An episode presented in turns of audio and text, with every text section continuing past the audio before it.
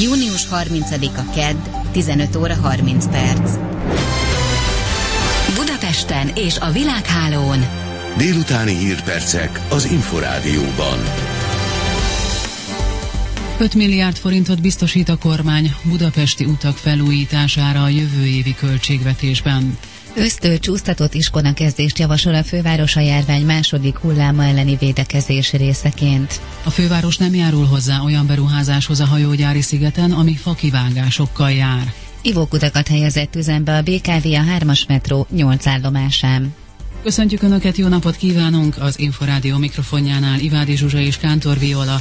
Mindjárt visszatérünk a részletekkel, a közlekedési információk és az időjárás jelentés után. A fővárosban a 77-es és a 82-es trollibusz ismét a teljes vonalon közlekedik. Baleset történt a Váci úton a nyugati téri felüljárónál. Továbbá baleset nehezíti a közlekedést a Kóskároly sétányban a Hermina út közelében, ahol lassabb haladásra kell számítani. Lassú a haladás a Nagykörúton szakaszonként, az Erzsébet hídon és a Rákóczi hídon Pestre, a Soroksári úton kifelé a Kvassai Jenő útig, az Üllői úton kifelé a Nagyvárad tér előtt, a Könyves Kálmán körúton a Rákóczi híd felé, valamint a Hungária körúton az Árpád híd felé. Jelentősen megváltozott a forgalmi rend a Soroksári úton a vágányépítés miatt, a kifelé vezető oldalt lezárták a Dandár utcától a Tóth Kálmán utcáig, a forgalmat a Leknerődön fasorba terelték, amit ezen a szakaszon kifelé egyirányosítottak. Az érintett BKK járatok Haller utca Soroksári út megállóját áthelyezték. A Károly körúton az Asztória előtt napközben időszakosan csak a belső sáv járható, mert gázvezetéket javítanak.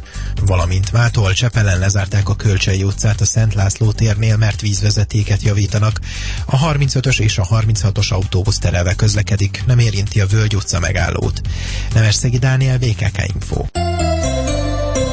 Köszöntöm az Inforádió hallgatóit. A Kárpát-medence fölé változó, többnyire alacsony nedvesség tartalmú, néhány fokkal enyhébb levegő áramlik, ismét erősödik a nappali felmelegedés, hazánk nagy részén kánikulára számíthatunk.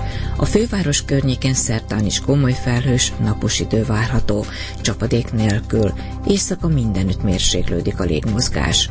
A hajnali 17 fokról 31 fokig emelkedik a hőmérséklet. Csütörtökön, illetve pénteken a térségben több helyen is előfordulhat zápor esőzivatar, a hétvégén kisebb a csapadék esélye. Országos Meteorológiai Szolgálat Jenki Szilvia. 15 óra 33 perc hírek részletesen.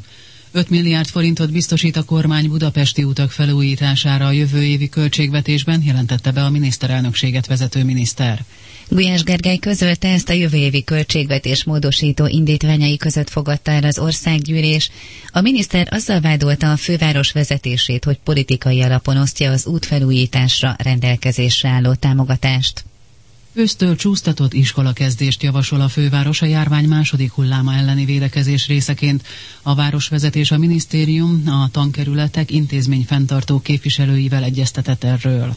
A főváros azt javasolta, hogy az eddiginél később 9 órakor kezdődjön a tanítás ősztől, hogy ne alakulhasson ki zsúfoltság a közösségi közlekedésben a reggeli csúcsidőben. A klímavédelmi és fejlesztési főpolgármester helyettes az Inforádióban elmondta, a BKK számításai szerint a lépcsőzetes kezdéssel 20%-kal lehetne csökkenteni az utasszámot a járműveken. Doroz Dávid felhívta a figyelmet, hogy az intézkedés nem jelentene járatszámcsökkentést. A kérdésről még további egyeztetésekre hívják az intézményvezetőket. Átlagosan harmadával nő a szakképzésben dolgozó pedagógusok bére júliustól, közölte az Innovációs Tárca államtitkára. Sanda Tamás elmondta, az összesen 35 milliárd forintnyi emelés nem egységes, az egyes oktatók más-más mértékű pluszbérben részesülnek. Hangsúlyozta, hogy kevesebbet, mint eddig azonban senki nem kaphat.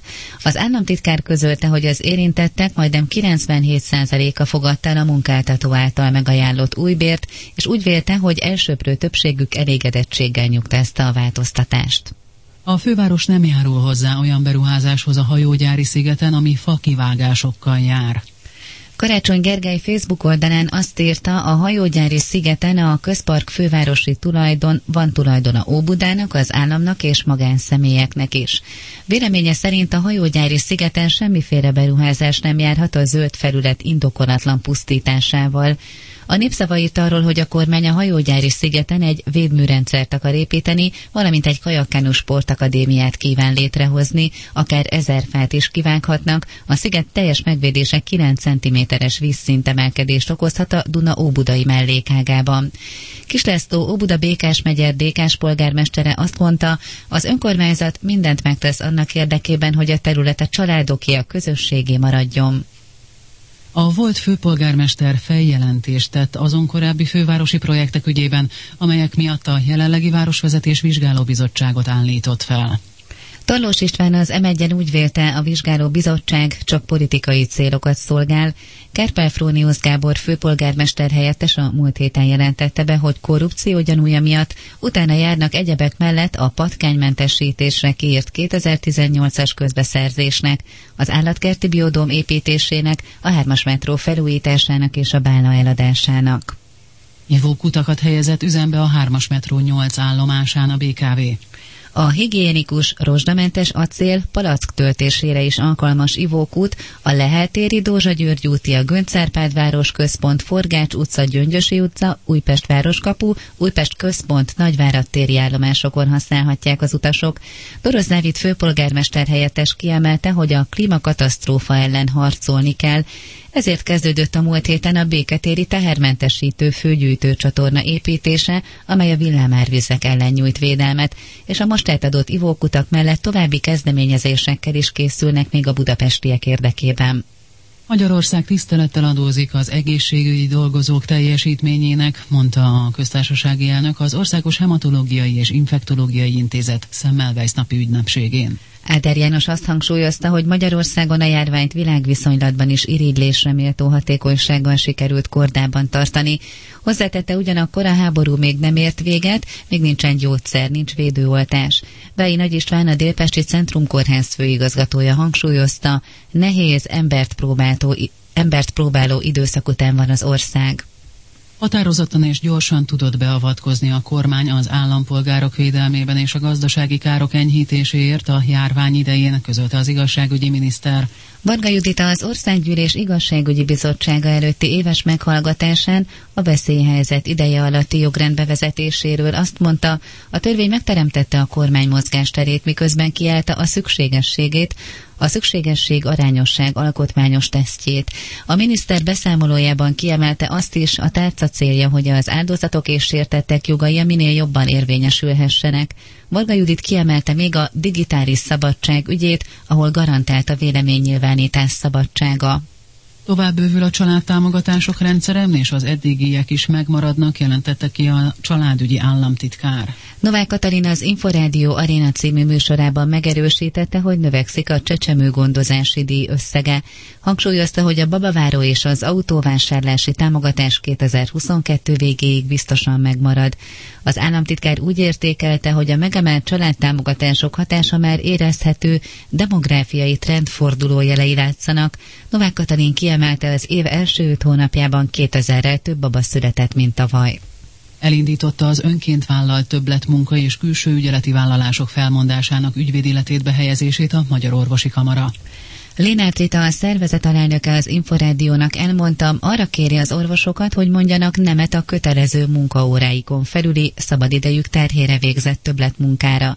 A kamara bízik abban, hogy őszig megállapodás születik az egészségügyi bérrendezésről, és így a felmondások élesítése elkerülhetővé válik.